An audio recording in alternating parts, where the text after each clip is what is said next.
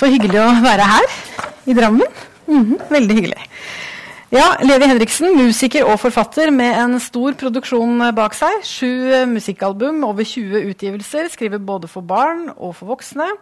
Og jeg tror at For de fleste av oss så starta nok bekjentskapet med forfatteren med 'Snø vil falle over snø', som har falt for ca. 15 år siden. For litt uh, over et år siden så kom det både bok og LP, 'Her hos de levende', er jo en nydelig miljøskildring og et tidsbilde av et bondesamfunn som på mange måter er litt fjernt fra oss, men uh, som har en te tematikk som er allmenngyldig og gjenkjennelig. En familiehistorie, en uh, brødrehistorie, en far og sønn-historie, en, kanskje en finne seg sjæl-historie. Det er vart, og det er sårt, og det er brutalt. Coveret til LP-en som da kom samtidig, 'Verden av i går', er til forveksling lik boka. Vi har, har dessverre ikke den å vise fram, men den er jo til forveksling lik. Det er det samme huset på, på forsida. Var det da en bevisst kobling, disse her, siden coverne er nesten like? Eh, var det planlagt? Først må jeg spørre er jeg, jeg, jeg er jo ikke på, jeg, altså. Jeg er jo ikke på.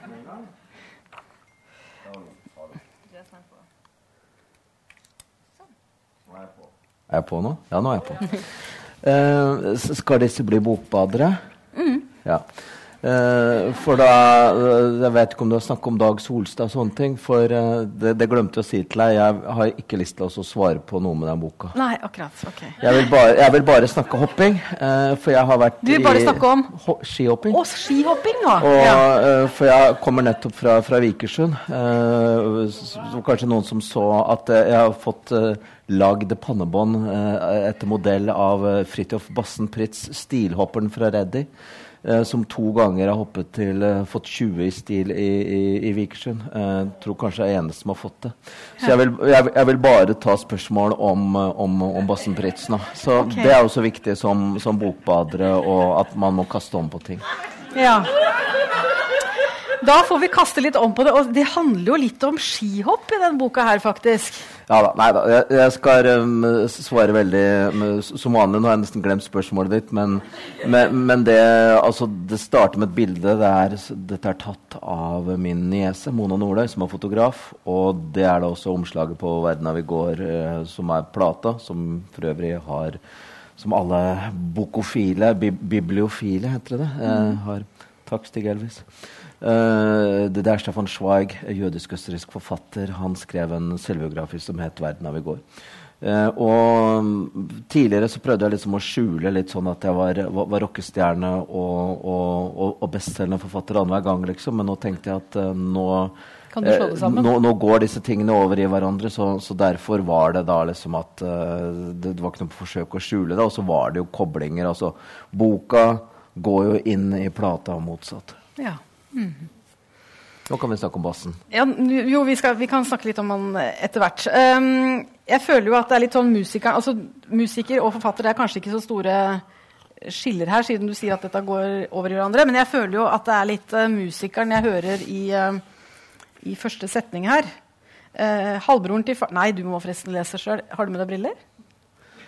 Halvbroren til faren min skjøt seg etter bryllup i et uh, i, i, ja, Nei, det var, det var nesten. I romjula. Halvbroren til faren min skjøt seg et bryllup i romjula rett etter krigen. Men det er ikke den historien jeg skal fortelle nå.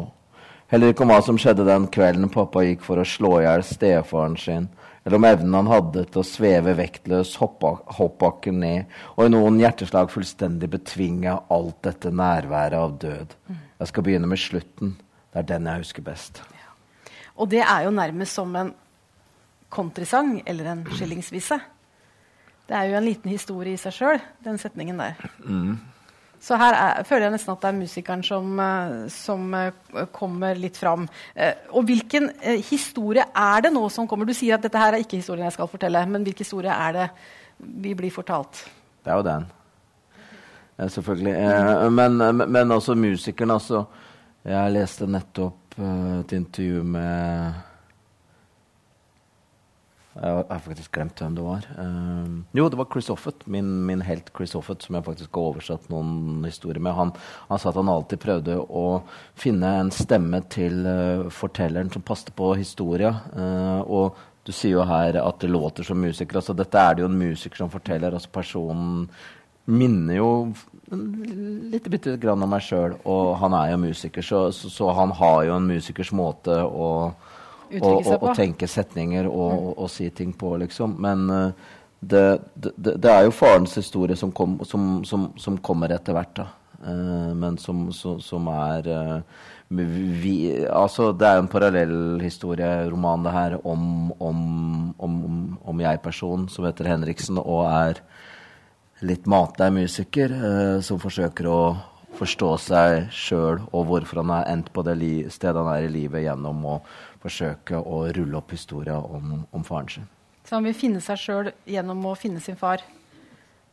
Ja, det starter jo, starter jo, med det, men etter hvert så kommer han til et punkt i boka der han sier at, uh, at han til seg sjøl at han ikke kan bruke hvordan foreldrene har uh, vært, og, og, og, hva de har opplevd som, som, en sånn unnskyldning for sine egne shortcomings, hva blir det på norsk? Mm. Altså sine egne feil og mangler, da, for å si det sånn. Mm. Så, så, så, for han mener at, uh, at, det, at, den greia kanskje er et litt sånn sykdomstegn i tida vår òg. Liksom at man alt skal forstås og alt skal forklares. Men alt kan ikke forstås og alt kan ikke forklares. Det er liksom det som gjør det interessant å være menneske, syns, mm. syns han som har samme etternavn som meg. da. Ja.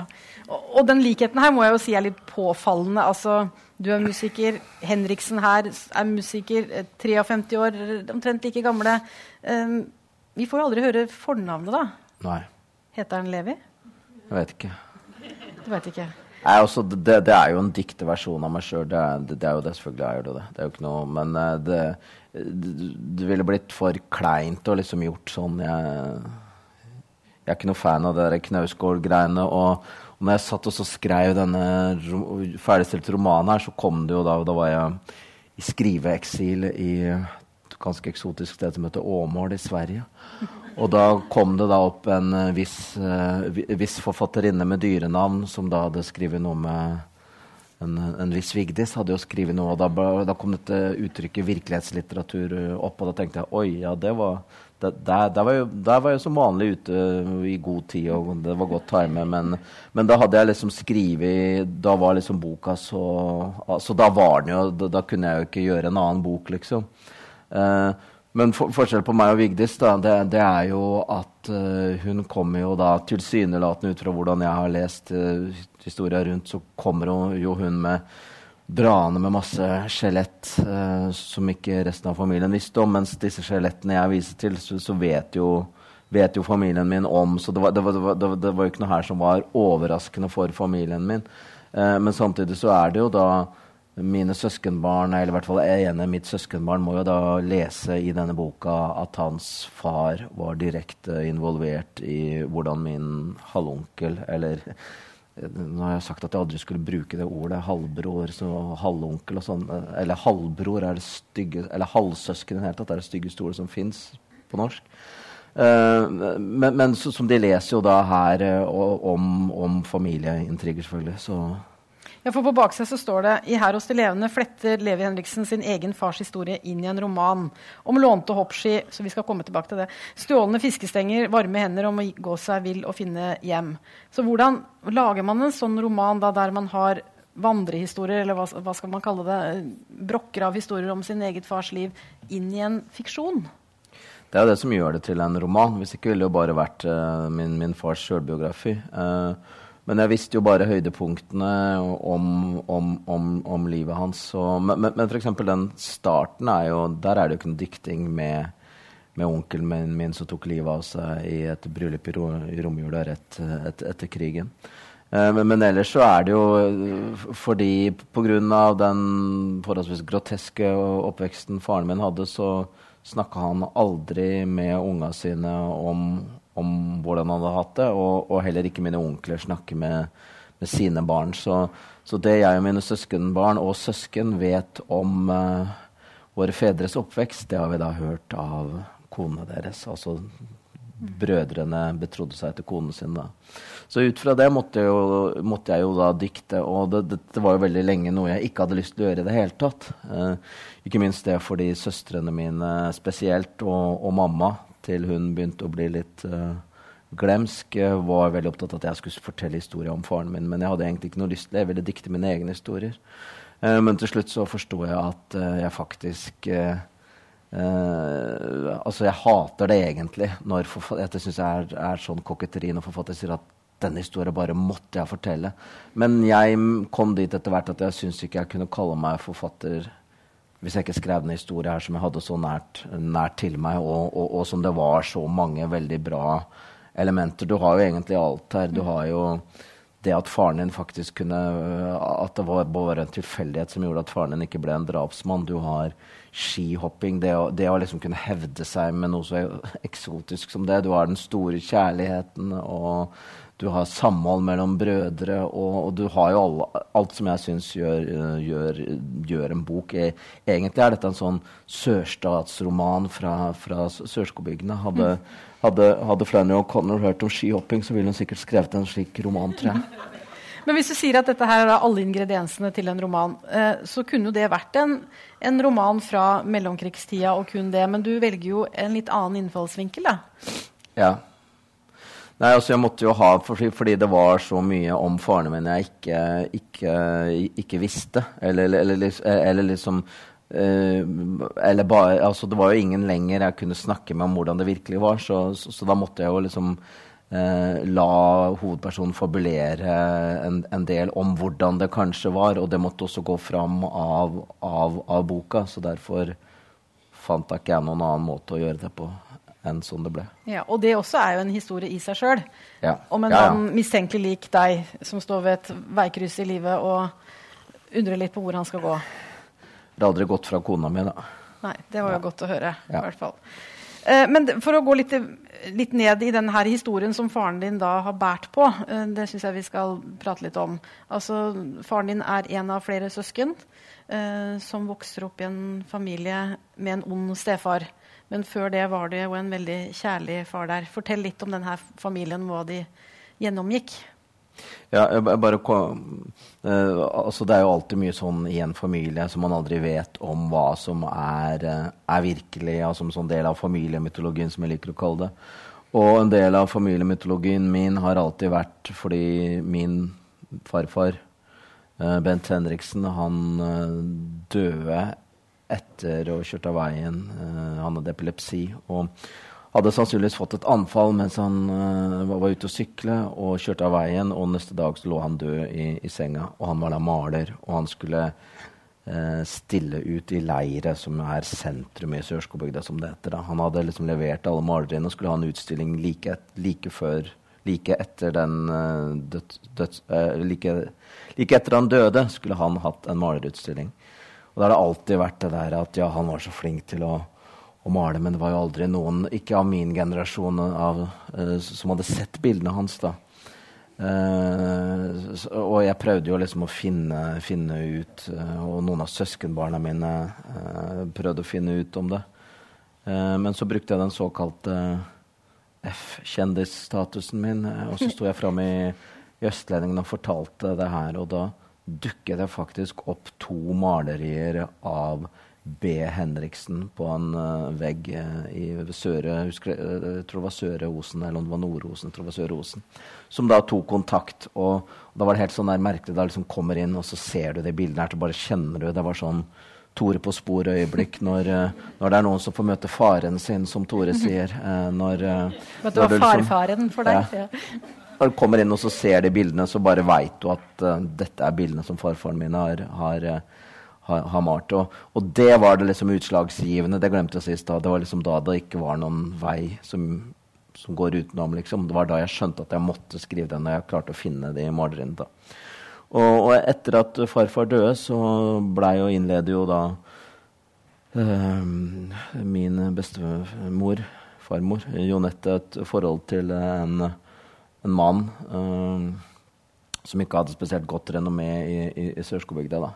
En sånn sol- og vårare som uh, smelte henne forholdsvis fort på tjukken, som vi sier på der jeg kommer fra. Og, og han var jo da minst like, minst like fæl mot uh, sitt eget kjødelige barn som han var mot de andre. da. Og særlig guttene fikk gjennomgå. Og særlig kunstnerspirene av de som het Bjørn uh, som han sannsynligvis så veldig mye av, av faren i, da, som jo var kunstmaler, han òg.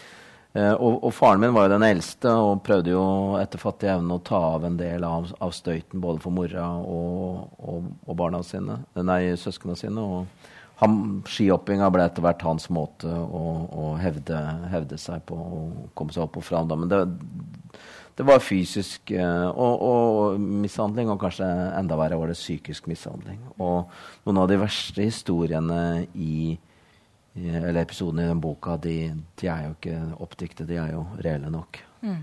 Ja, Så hvor går grensen mellom fiksjon og fakta, for å si det sånn? Hvor, hvor, er, det, er, det, steder du liksom må stoppe? Man kan ikke ta det med? Nei, det har jeg aldri følt. Og, og, hvor den grensen går, det er jo ikke interessant for meg som forfatter å fortelle. Nei, men jeg tenker på mer Hvor dine egne grenser går. Er det på en måte noe du føler at uh, Nei, du kommer deg altså For meg så er jo å skrive, skrive en bok eh, Det er jo å være, være skuespiller. Altså, jeg er jo i en film. Jeg, jeg, jeg spiller jo en rolle i en film, og da, da, gjør du jo de grepene som du syns den filmen fortjener. Og sånn er det jo her òg. du, du, føler jo Du har jo en slags uh, lakmustest inni deg som liksom du syns uh, for, forsvar, som, som, du finner på ting som du syns er, er, er reelle og er er i tråd med det andre som virkelig har skjedd. Mm. Og, og, og, som sagt, ikke noe av det, det, fæle som skjedde der, ikke noe av det jeg fant på, overgår det som virkelig skjedde, for å si det sånn. Mm. Um, hvordan um, Ja. Uh, det er jo, dette er en brødrehistorie som har blitt veldig sterk, som ut, den på en måte utpeker seg. En veldig godt samhold mellom disse brødre. Det er rørende hvordan uh, en eldre, eller Herman tar vare på lillebroren sin og skåner. Han ser på en måte svakheten hvis man skal kalle det, hos Bjørn, eller i hvert fall unnvikelsen, eh, og prøver å skåne dem. Og det er veldig mye vondt. Eh, men heldigvis så er det jo også muntrere historier, eh, og det er håp. Eh, og der er det jo særlig én eh, munter historie om noen mus som på en måte hele, er på et sånt punkt i historien som jeg tenker gudskjelov at det kom nå. For nå var det, nå var det nok uh, vondt her. Uh, er det en sånn vandrehistorie i familien din? Ingen kommentarer. Å oh, nei. Mm. Kan du fortelle om det du har skrevet om den, om den uh, musehistorien? For det er faktisk ganske morsomt. Ja. Uh, jeg har jo alle Altså, jeg, jeg, tror jeg er en ganske lett mann å parodiere, eller karikere, om du vil, som forfatter. Uh, og jeg har nesten i alle bøkene mine en uh, altså Harpesang er, er, er, jo full av sånne historier. Men, uh, men f.eks. i den første romanen min 'Snø vil falle over snøen som har falt', så er det en historie, et kapittel som ikke egentlig har noe med handlingene helt å gjøre. når Dan slash Daniel Caspersen og onkel Rein havner med noen frivolle kvinner på julaften på, på jernbanerestauranten i, i Charlottenberg. Liksom. så jeg har, har det, det, det, er jo noe jeg gjør for min egen del, og, og også, også, litt for lesere. Jeg liksom legger inn, sånn, legger inn et slags pusterom, om du vil. Og, men, her, men, men, her, var det egentlig nødvendig at, at, at, at det kom noe, noe, som var veldig lysere. Og uh, det, det, er jo om, et, om, om, det verste museåret, i hvert fall så langt i min fars liv, og brødrene også, når deres eh, stefar setter dit og fanger mus, og, og, onkel Bjørn framstår som en slags eh, pasifist, eller hva jeg skal kalle han, fordi han, eh, han, han vil ikke ta livet hans. Det er så fælt å ta eh, Altså, de har ikke nok musefeller, så de, de, de lager jo da en, det gode gamle med, med en vannbøtte og en fleskebit, og så du, du går ut på en uh, slags vippepinne, eller hva jeg skal kalle det, så faller du da ned og drukner. Men onkel Bjørn var jo der og tømte ut uh, vannet, sånn at uh, musen drukner ikke. Det var bare liggende i en klump. da. Og det var jo da, når, uh, når Herman ser at uh, stefaren hans går inn hos en av by bygdas løse kvinner, for å si det sånn, så når han skal dit neste gang, så passer han på å smøre litt mysost inne i, i, i, i buksene til, til, til Stefanus. Og så følger han etter og så slipper løs musene inne på, på soverommet når uh, Stefanus skal til å, å, å, gjøre det han kom dit for, for å si det på den mm. måten. Da. Mm, lufte buksene sine litt? Ja. ja. Mm. Ta, av seg, ta, av seg, benklærne og henge de pent over ja. Mm. beinene på senga. Ja. Eh, og det er en veldig fornøyelig historie. Eh, om du da har dikta den, eller om det er en familievandrehistorie, så er den veldig god. Mm. ja. Og vi er glad for at du legger i de pustepunktene. det er jo en del snakk om eller det er ikke snakk om, men jeg tenker at det ligger litt sånn arvesynd under her. Og arv og miljø, og hva er det man uh, har med seg. Og disse brødra de takler kanskje det de har opplevd litt ulikt uh, gjennom livet. Um, og um, hva, hva, tenker du om dette her med arv og miljø, og det å stå ved et veikryss i livet, og hva, de frie valgene vi har? Har vi frie valg? Kan vi velge? Ja. Og hvordan Nå er det liksom Dag Solstad i dag. Jeg har sagt at ingen forfattere er sånn, men ja. jo, det er to, da. Ja. men du, har du et eh, optimistisk eh, syn på menneskets muligheter til å ta frie valg, da? Og i Nei. forhold til eh, skjebnen som eh, mm.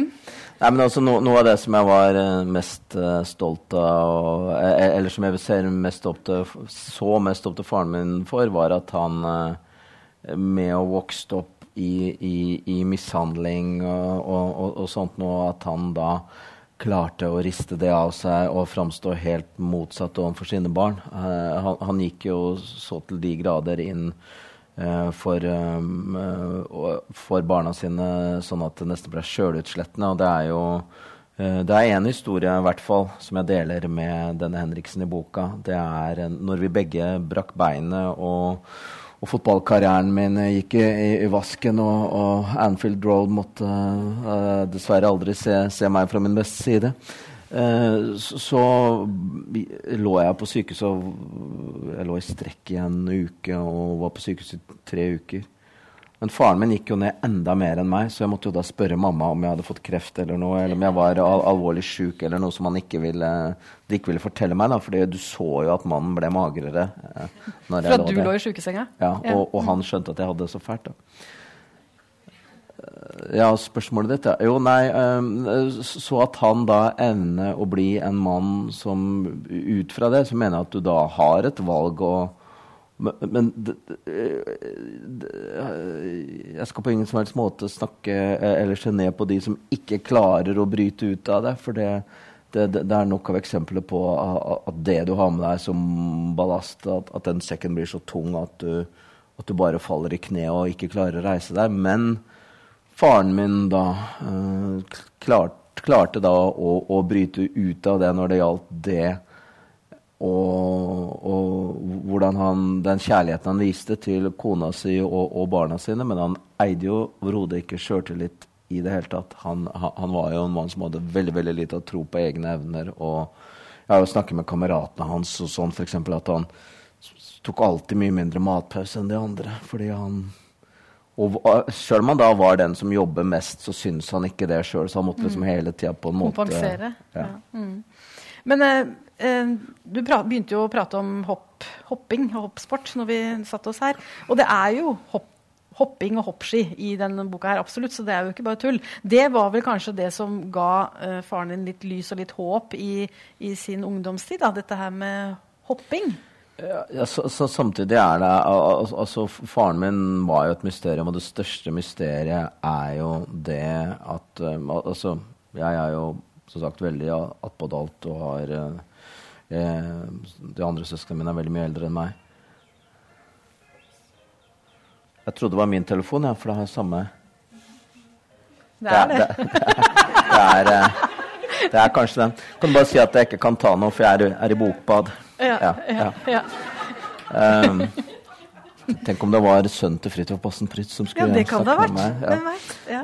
Det, var, det, var, det, var, ikke Bassen, i hvert fall. Det, han, det vet vi. Han, han ringer nok ikke. Uh, jo, uh, for vi hadde jo da et sånt pokalskap hjemme. Uh, og det var pokalen hans pappa. Men den mannen snakker jo aldri om egne prestasjoner. Og etter hvert som jeg ble eldre, så tenkte jeg at liksom det, Da fant jeg det der For alt jeg visste, så kunne han jo kjøpt de der pokalene på en bruktbutikk eller noe sånt. For det sto jo ikke Jeg tror ikke det sto navnet hans på noen av de. Eh, for eh, som sagt, jeg var jo kjempetalent i, i, i fotball. Og, og, og, mine høydepunkt på, på fotballbanen, som stort sett begrenser seg til å være reserve på Kiel gutter 2 når vi vant Lyncupen i, i 1980, det har det, den historien kjenner barna mine veldig godt til. Og så tenkte jeg da en mann som da har et skap fullt av pokaler eh, Her er det noe som ikke stemmer. Fordi Han fortalte aldri om det? Nei, aldri. Det, det, er, jo, det er jo direkte suspekt, spør du meg. Um, og, og, jeg begynte jo å google og søke, og fant jo heller aldri noe om Herman Henriksen. Men så er det en god venn av meg som i boka blir uh, omtalt som pensjonert hoppdommer, rett og slett fordi han er pensjonert hoppdommer. Han uh, begynte jo da å, å, grave rundt i arkivet på netta, ne, ne, digitale arkivet til Hamar Arbeiderblad.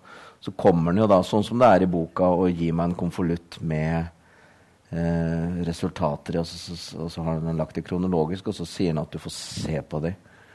Og så sier han ingenting om hva som står der. Og så går det noen uker før jeg tør å åpne da. Så begynner det med at han er, blir nummer sånn 17, eller om det var rundt 20. Og så tenkte jeg ja, ja, det, det var jo ikke all verden. Men, men allikevel, han har da fått navnet sitt i avisa. Så ble jeg meg nærmere, og, og så er, har jo da mannen en hel haug med førsteplasser. Uh, og et sted så står det i Hamar Arbeiderblad i et uh, kretsrenn at det, av de hopperne under 17 vi venter oss mest av, er Sørskogbygdas Herman Henriksen. Og, og, og, det var liksom kanskje det mest rørende øyeblikket i, i, i hele researchperioden til boka. faktisk se det da. Men hvorfor i all verden den mannen da ikke skrøt av det? Ja, og ikke sier noe som, som hans sønn selvfølgelig ville sett enda mer opp til faren sin for. For de aller fleste gutters liv så er det jo ens far som er ens første helt, liksom. Det, det skjønner jeg ikke. Eh, så, så, det har jeg tenkt veldig mye på. Så eh, det står i, bo, eh, i, den gode boka på at man ikke skal fylle hjertet sitt med jag etter vind. Så det var mulig min far bokstavelig talt trodde han skulle legge inn noe jag etter vind i hjertet mitt med å fortelle at han hadde vært en, en god hopper. Men eh, jeg har egentlig ikke noen forklaring på hvorfor han ikke kunne liksom unne sønnen sin det å få vite at hans far faktisk hadde flere førsteplasser i hopp. og Søstrene mine er jo 20 og, og 23 år eldre enn meg, så de har jo vag erindring av å sette han hoppe, men det har jo aldri jeg. Mm. For da hadde han jo for lengst lagt skiene på hylla. Men det var jo også episoder i hans liv eh, knytta opp mot hopp som ikke bare var eh, hyggelige. Altså Stefanus hadde ikke det forhold til hopp. Nei, det, det, det, det har jeg også tenkt at liksom uh, Også bil var også noe faren min var veldig opptatt av. Han den første som hadde bil i, i, i bygda på Granli slash Skogli. Og Stefanus var jo faktisk det i, i Sørskogbygda. Han hadde jo bil kjempetydelig. Men, men uh, han, når uh, pappa vant et hopprenn, da var jo Stefanus veldig stolt av han og kalte han gutten sin. men så når, når, han ble nummer tre eller dårlig, så pleide han å selge eller gi bort skiene hans, og så måtte han gå hjem, liksom. Så så han, han, eh, det skal han Stefanus ha. Han oppdrar ikke noen taper. For var, var du dårligere enn en nummer tre, da, da, hadde du ikke ski å hoppe på neste konkurranse på. Jeg må spørre deg om navnet Stefanus. Altså, hvis vi googler Stefanus, så ser man at det er den kristne, første kristne helgen. Altså, han var ikke mye helgen, den herre Stefanus. Um, Stefanus ble steina. Ja. Det har han bare godt av, tenkte jeg da jeg leste det her. Men ikke, ikke, det, ikke den originale Stefanus. Nei, da. men han, var, han her? Ja. ja. Han, han, ble ikke steinet da. Han hadde fortjent det. Ja. ja. Eh, det er Sjuende sans, eller almanakker, står også sentralt i, i handlingen. Mm. Eh, er det også sånt, noe du hadde å bruke som researchmateriale? Ja. Så din far skrev dagbok, ja. og der sto det Hvor mye han hogg. Hvor mye ja. tømmer han hogg.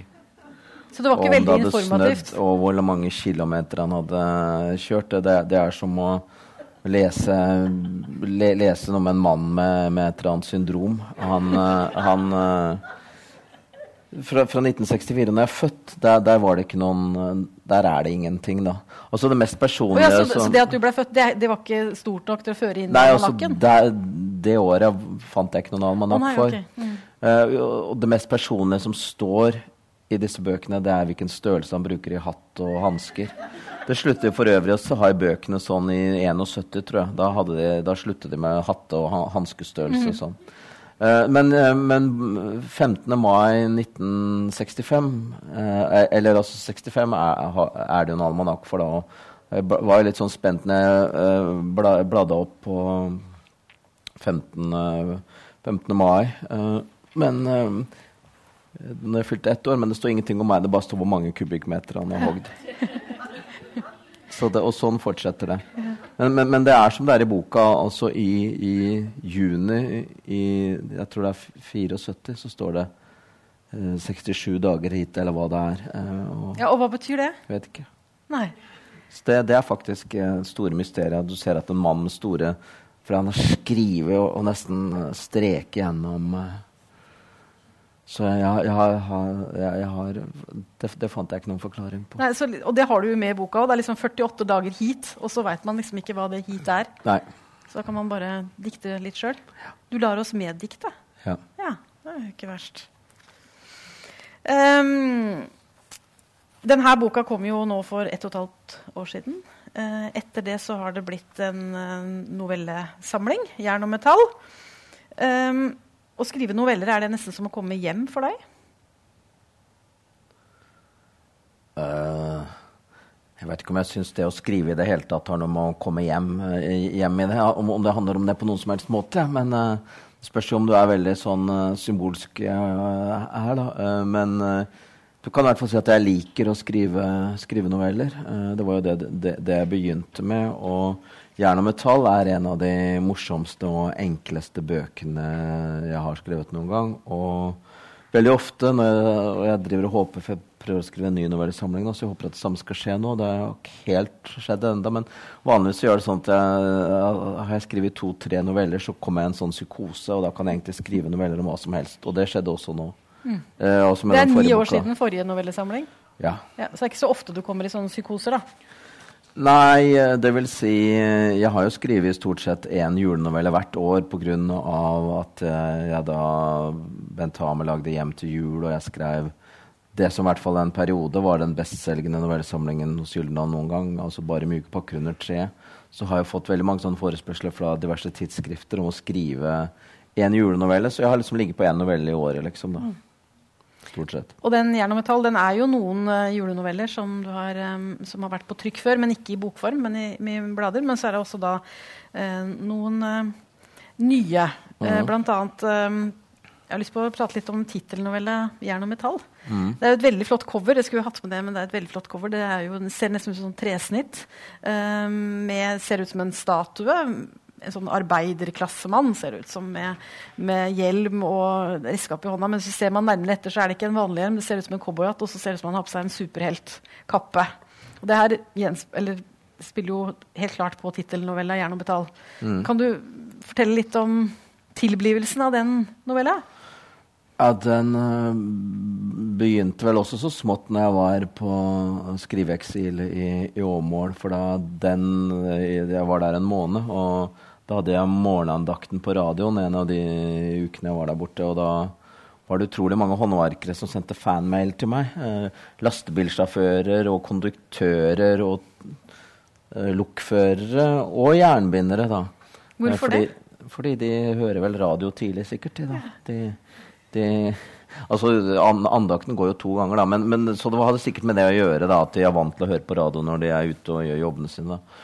Og da var det en kar som tok kontakt med meg fra Halden og sa at han hadde hørt uh, på det og syntes det var bra. og at han var jernbinder. Og, og så han for, nevnte, nevnte han bare en sånn bisetning. da, At uh, jeg har forresten lyst til å bli begravd i matasken min. Og tenkte jeg, uh, ja, matas... Ja, nei, og så spurte jeg hva, ja, eller, eller hvorfor, hvorfor, det. Og da sa han at det er, eh, det er, en sånn gammel uh, metta sånn mess... Hva, ikke mess, hva heter det? Sånn, blikkboks? Ja, sånn, blikkboks, rett og slett. da. Sånn jeg, har jeg hatt helt siden jeg gikk på skolen, og det fins ikke noe som har, uh, har, brakt meg mer glede gjennom arbeidsdagen enn det. Og, og, altså når det er kaldt og jævlig, altså, kan, kan, jeg da ta, gå inn og spise mat, matasken min? Altså, det som er i matasken, ikke matasken. Men det, er, det er fantastisk. Uh, Eh, det det er, en helt fantastisk historie, så jeg memorerte den. da, Og så har vi en sånn fellesbekjent som heter Håkon Olegren, som synger et band som heter Onkel Tuka, som også er fra Halden. da, Han forteller at um, Du spurte ikke om hjelmen hans. da, altså så jeg, Hjelmen ja, han, hjelmen hans, det, det, er egentlig, den ser ut som en cowboyhatt. Og den hadde han fått spesialbestilt. da, det, det er faktisk, Du kan kjøpe sikkert 60 forskjellige varianter av cowboyhjelm, godkjente cowboyhjelmhatter, faktisk, i nettside i, Pennsylvania. Og, og, da fortalte Håkon at, uh, om Morten, da, han med matasken, at han uh, hadde fått laget seg en sånn, sånn hjelm. Da, og at han hadde holdt på fått sparken når han ble tatt bilde av i Halden Arbeiderblad med den hjelmen som, uh, som, da sjefene ikke hadde godkjent eller vertifisert, eller hva det nå var. Og så på bildet så sveisen uten sveisebriller. Så det ble liksom utgangspunktet for Det ble det jeg trengte for å kunne skrive en ganske en historie jeg i hvert fall er fornøyd med sjøl. Mm. Er det litt sånn at du henter inspirasjon fra folk du møter, eller sånne halve historier, eller? Ja, selvfølgelig. Uh, når, så, som sagt, når jeg er uh, det, det, er jo, det, er jo, folk som liksom inspirerer meg, og, og det, skal, det skal, skal, veldig lite til når jeg er i dette moduset, da. Som jeg håper blir igjen nå. Kalte du ikke psykose? Ja. Modus? Ja. ja. ja det låt litt, litt, låt litt finere med modus. Så, så, så, så, er det ingenting som skal til for å, å, å, Eller da skal det svært lite til for at det blir en historie av det. Og eh, et eksempel i så måte er jo jern og metall når jeg våkner opp en morgen, og så har jeg i huet mitt um, Faren min stjal en hest i et bryllup. Um, I Det ville Vesten ble man hengt for slike ting. Jeg har ofte ønsket at han hadde levd på den tida. Uh, jeg vet ikke hvor de setningene kom fra, eller hva de betydde. liksom. Tenkte at det her er så interessant at jeg må skrive en novelle om det. Så da gjorde jeg det. Mm. Og den ble også ganske bra. Høres så lettvint ut. Ja. Um, Noen ganger er det lettvint, uh, og noveller kan være lettvint. Uh, men en roman er aldri lettvint, i hvert fall ikke for meg. Men da, sånn, den boka vi har snakka om nå, siden det var da historier du hadde du kjente, var den enklere å skrive da, eller var det vanskeligere fordi det var så nært? Nei. Der hadde du to alternativer. Det var den ferdigste boka jeg har skrevet. Eh, den, den, var tung. Den var, eh, det var ikke noe gøy å skrive den i det hele tatt. Det var, det var som å stå på taket i, i minus 25 og jobbe gjennom hele boka. Sånn føltes det. Mm. Sjøl om jeg hadde, hadde, historie og alt det der. Liksom, det var uh, Men Fordi det er et vanskelig og vondt tema, eller? Ja, vanskelig og vondt tema. Hvis du, hvis, du syns det, hvis du syns noe er for vanskelig og vondt å skrive som forfatter, da tror jeg nesten du må finne deg noe annet å gjøre. Men, men, men, men det, var, det, var, ubehagelig, selvfølgelig. Det, det handler om faren min. Og så lurte jeg på om jeg ville klare å gjøre en historie som hva heter det? Y, y, så ytet han rettferdighet. Mm.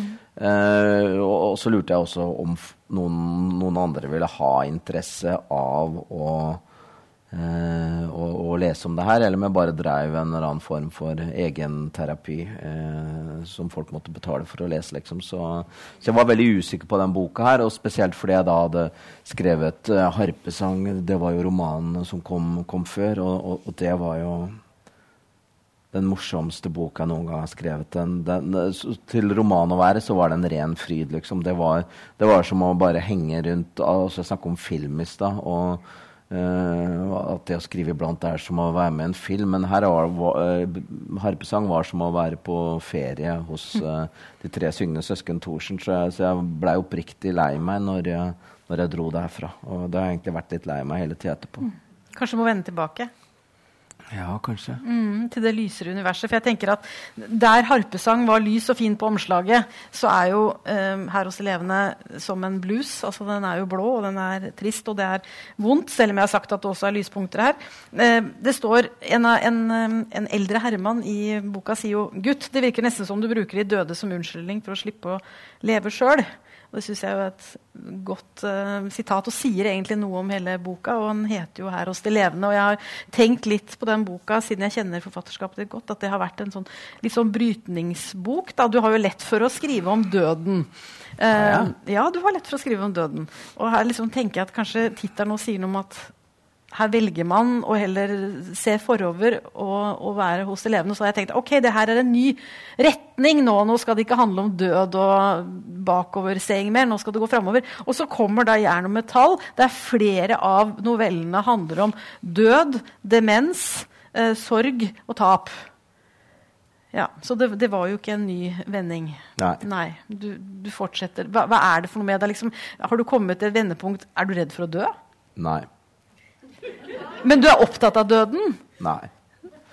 Eller eh, Når man har vokst opp som pinsevenn, så eller, eller, jeg, da. Jeg har aldri vært redd for, å, for å dø. Men eh, det kan vel hende man lurer litt på hvordan det blir før man dør, liksom. Det bekymrer meg for så vidt mer. Um, men når man da har uh, vokst opp i en ordentlig hardcore pinsevennfamilie, så, så har det jo da Eller ma mange av oss får jo da en sånn uh, opp Eh, en slags oppfatning av eh, at eh, du ikke er ferdig når du dauer, liksom. Du er ikke ferdig, ferdig med ting da. og det har jo jeg liksom fått inn med morsmjølka, bokstavelig talt.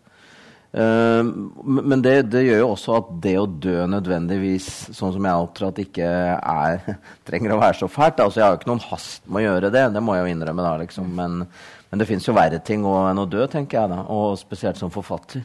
og, og død som virkemiddel i en bok, i en roman eller novelle. Det, det, det trenger jo ikke å være fælt i det hele tatt. Og et godt eksempel på det syns jeg jo er harpesang, da, som jeg hadde bestemt meg for at ingen skulle dø, da, men så klarte jeg ikke å holde det likevel. Da. Eh, så, så, det er jo akkurat eh, helt annet på hvordan du gjør det. Og, og, og, og, døden er jo i aller høyeste grad noe som alle mennesker uh, erfarer. Alle.